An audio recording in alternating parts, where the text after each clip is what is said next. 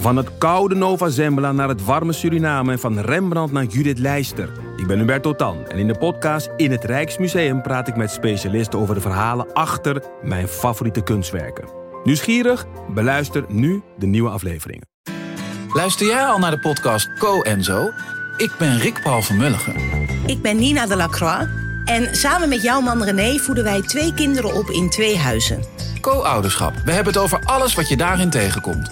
Maar ook over de juice tijdens onze kinderloze dagen, want die heb je ook in het co-ouderschap. Een podcast voor alle ouders in alle vormen, maar ook voor alle mensen zonder kinderen. Zijn we eerlijk, heerlijk herkenbaar. Dus luister naar Co en Zo in je favoriete podcast-app.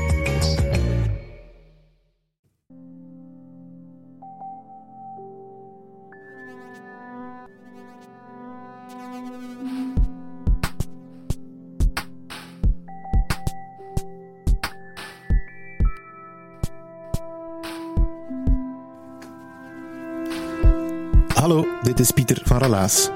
In Relaas hoor je waargebeurde verhalen en die worden verteld door de mensen die ze zelf hebben meegemaakt. Benedicte die vertelt een verhaal over een schijnbaar banaal verlangen. Zo'n aards verlangen dat vooral acceptabel was in de 80s, maar waarin het leven van een puber toch wel de wereld van afhangt.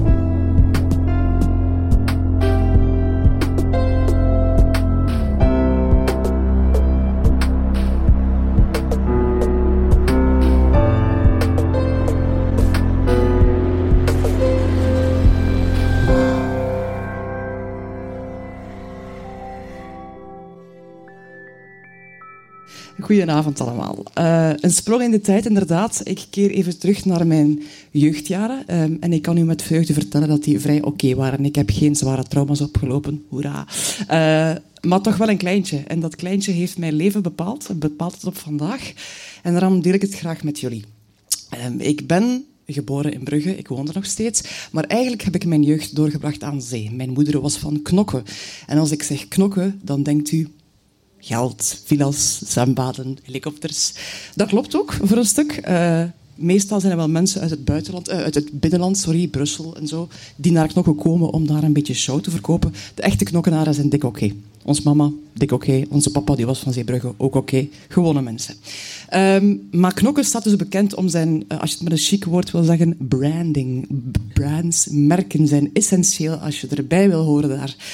Um, en toen ik jonger was, uh, ik spreek over mijn lagere schooltijd, 30 jaar achteruit, en dan kunt u ongeveer becijferen hoe oud ik ben, um, waren er zo drie grote merken die maakten dat je erbij hoorde of dat je gewoon niet meetelde. En dat waren respectievelijk Chippy, Chevignon en Millet. Uh, nu weet ik niet of jullie van de generatie zijn die dat nog gekend hebben. Indien niet, dan duid ik het even. Um, Chippy is een Frans merk met ja, felle kleuren, etc. Het bestaat nog steeds. Google dat straks eens. Idem voor Chevignon. Bestaat ook nog steeds. En dan had je Millet.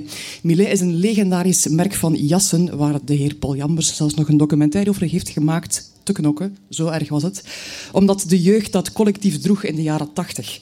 Um, omschrijving lelijk, opgeblazen, mottige kleuren, stiksels en een grote m van Millet. Als je zo'n jas had, dan was je de man slash vrouw. Nu, het gewone gezinnetje waar wij uitkwamen, daar kwam dat niet in huis, dat soort kleren. Mama en papa waren daar eigenlijk een beetje tegen. Um, niet omdat we dat niet konden betalen, maar omdat ze dat uiterlijk vertoon toch maar een beetje belachelijk vonden. En zeiden van, er zijn andere zaken die essentieel zijn. En wij hangen daar geen geld aan. Um, vandaag begrijp ik dat, maar als je 10, 11, 12 bent, dan denk je... Weet wel, ik wil gewoon ook zo'n vest. Of ik wil op zijn minst uh, niet aan de zijlijn staan. Ik wil ook chique kleren kunnen dragen. Maar dat gebeurde niet bij ons. Um, en dat uitte zich op een grappige manier, kun je nu wel zeggen, maar het was toen soms wel hard.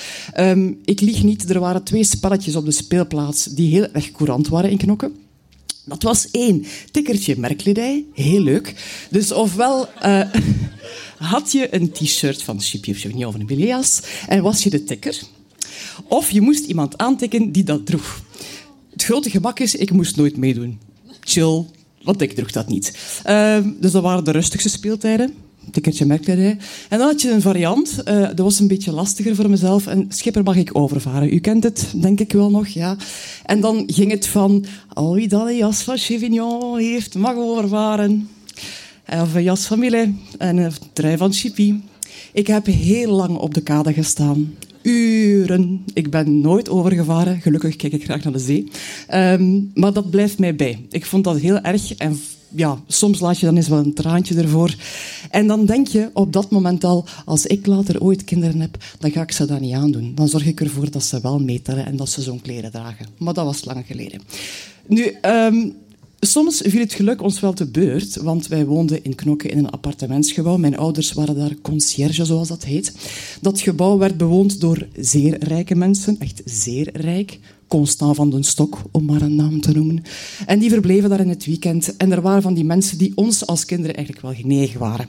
En er was een dame in het gebouw die had vernomen dat de dochter van de conciërge toch eigenlijk wel een zwak had voor merkleren. Maar dat kwam niet binnen. Eh, dus op een dag eh, waren wij thuis, denk paasperiode of zoiets, en de bel ging ring, oh, surprise, naar de deur. En wat stond daar? Twee zakken uit een stijlvolle kledingzaak te knokken. Met een label voor mij en voor mijn broer. En we dachten, oh, nice, het wel. We doen dat open en wat stak daarin? Een t-shirt van Chippy voor mij en een van Chevignon voor mijn broer. Ik was door het dolle heen. Dat was voor mij een onwaarschijnlijk cadeau. En ik dacht, eindelijk, eindelijk kan ik meedoen. Eindelijk kan ik ook van de kade af. Bij Schipper mag ik overvaren. Eindelijk kan ik met tikkertjes spelen en gaan ze mij respecteren. Dus ik heb dat t-shirt aangetrokken en ik denk dat ik het de eerste keer minstens drie weken aansluitend heb gedragen. Het mocht niet in de was. Dat was het enige wat ik wou aan hebben, was dat t-shirt met Shippy in het groot erop. Um, ik heb het dus een poosje gedragen. Dan is het op een dag, denk ik, in de kledingcontainer gegaan of het was versleten en that's it. En dat vervaagt dan weer als herinnering. Maar het toeval wil dat ik die foto, er is één foto van gemaakt van mij met dat shirt, een poos geleden terug in handen kreeg. En ik dacht, oh my god, oh my god, dat t-shirt. Als je het nu ziet, is het zo lelijk, maar zo lelijk. Er staat chippy op en dat is enig interessant. Voor de rest zijn er zo aangestikte mouwtjes met strepen, een papegaai, blauw en wit. En het grote probleem was natuurlijk dat ik los van dat shirt, de rest van mijn imago zat niet goed. Het was niet zo hip. Ik had een lelijk kapsel. Ik had ook een bril. Ja, een lelijke bril, vond ik. Uh, mijn beugel was er nog niet, dus die tanden stonden ook nog niet helemaal correct. En onder dat shirt ik een jeans van een, ja, ik denk een soort warenhuismerk. Dus dan zie je iets dat eigenlijk gewoon afreus is.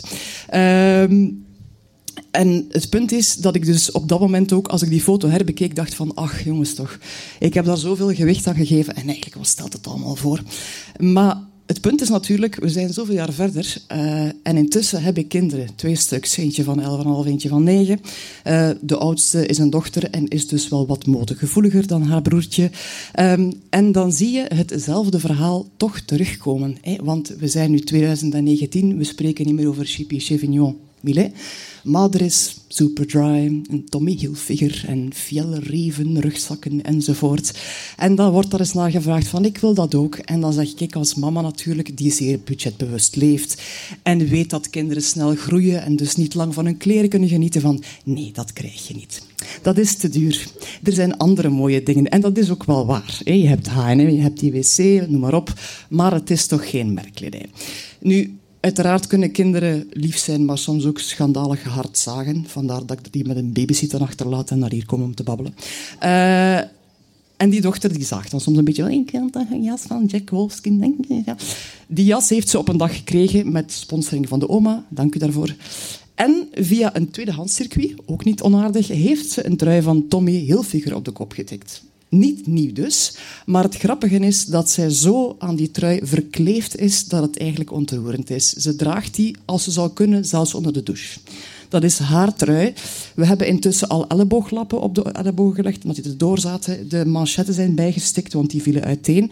Uh, en toch blijft ze daar zo aan kleven. En dat vind ik zo ontroerend, omdat ik denk van, eigenlijk herken ik mezelf daarin. En al wat ik gezworen heb niet te gaan doen met kinderen, heb ik voor een stukje wel gedaan. Dus zij draagt die trui nu ook. Zij is daar heel trots op en zij vindt dan ook dat ze er toch een tikje meer bij hoort, omdat dat in het vet Tommy Hilfiger op staat. Dat in C is eigenlijk best oké, want als je even googelt, daar gaan we weer, dan is Tommy Hilfiger gewoon een modemagnaat. Die man heeft zijn merk naar zijn eigen genoemd en dat is goed. Ik heb in dezelfde rush ook gegoogeld naar chippy. Wat betekent dat nu eigenlijk? Want ja, dat is dan wel een Frans woord. En ik heb het ingetikt. En Google geeft als vertaling teef. Ik lieg niet. Tik het in. Ik vond het wel nogal frappant. Ik dacht dus, ik heb met een t-shirt rondgelopen waar Dave op staat en ik was daar zo trots op. Uh, blijkbaar, als je het een beetje dieper analyseert, is het een begrip in het Frans, une chipie, dat bestaat, een soort meisje dat van zich afbijt zich niet laat doen een taaie tante. Hè. Dat kun je dan een teef noemen. Dus ik heb trots met een teeftrui gelopen, 30 jaar geleden. Mijn dochter loopt nu met een Tommy Hilfiger trui. Zij het bijgewerkt en opgelapt. Um, de relativiteit ervan is nog steeds dezelfde.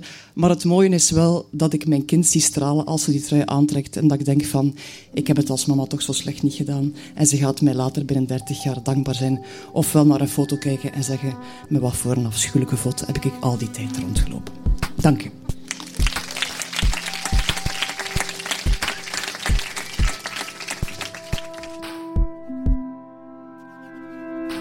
Dat was het relaas van Benedicte.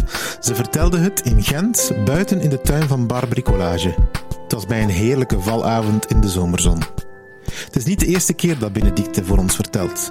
Je kan haar al kennen van haar idolatrie voor Koen en Chris Wouters en van de hesperolletjes in kaassaus bij haar oom. Je moet die verhalen maar eens opzoeken als je ze nog niet hebt gehoord. We zetten ze er ook bij op onze website. Merci Benedicte, het was alweer een genoegen. Die relaas vertelavonden ze gebeuren tien keer per jaar in Gent en vier keer per jaar in Antwerpen. In Gent worden ze onder andere in goede banen geleid door Marlien. Dat is een van onze vrijwilligers die relaas maakt wat het vandaag is. Marlien die heeft zelf ooit een verhaal verteld over nieuwe moed die ze heeft samengeraapt nadat haar huwelijk op de klepper liep. Maar nu is ze al een hele tijd bij Relaas aan de slag en regelt ze de locatie, de inrichting, de ontvangst en zorgt ervoor dat iedereen op het juiste moment op de juiste plaats staat. Merci daarvoor, Marlien. Nog een paar bedankjes. De Vlaamse gemeenschap, de stad Gent, dank je voor jullie financiële steun. En Huzet, Urgent, Den Hopzak, Pulp Deluxe en Chase voor jullie hulp. En jij, de luisteraar, om keer op keer weer op die play-button te duwen. Voor je naar de volgende podcast gaat, wil je dan nog eventjes iets doen voor ons en deze podcast doorsturen naar iemand die je kent? Je doet er ons een gigantisch plezier mee.